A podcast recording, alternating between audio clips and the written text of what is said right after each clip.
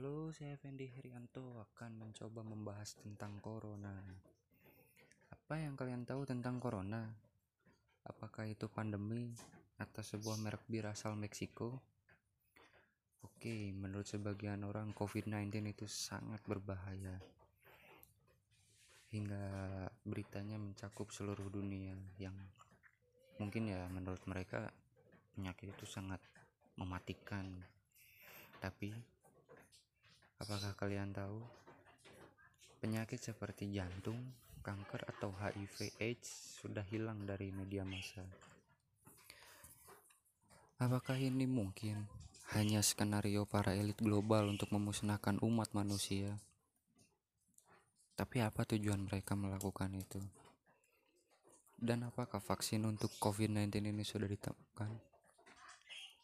Menurut saya, jika corona ini benar-benar adalah buatan manusia,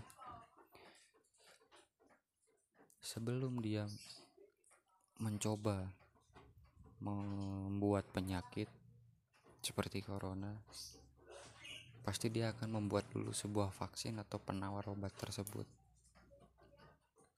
untuk langkah uji cobanya.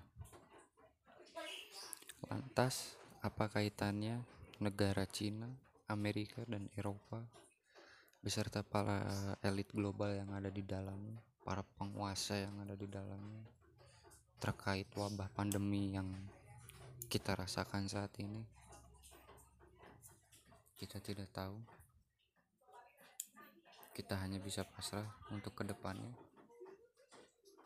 dan untuk lanjutannya akan saya posting tidak lama lagi.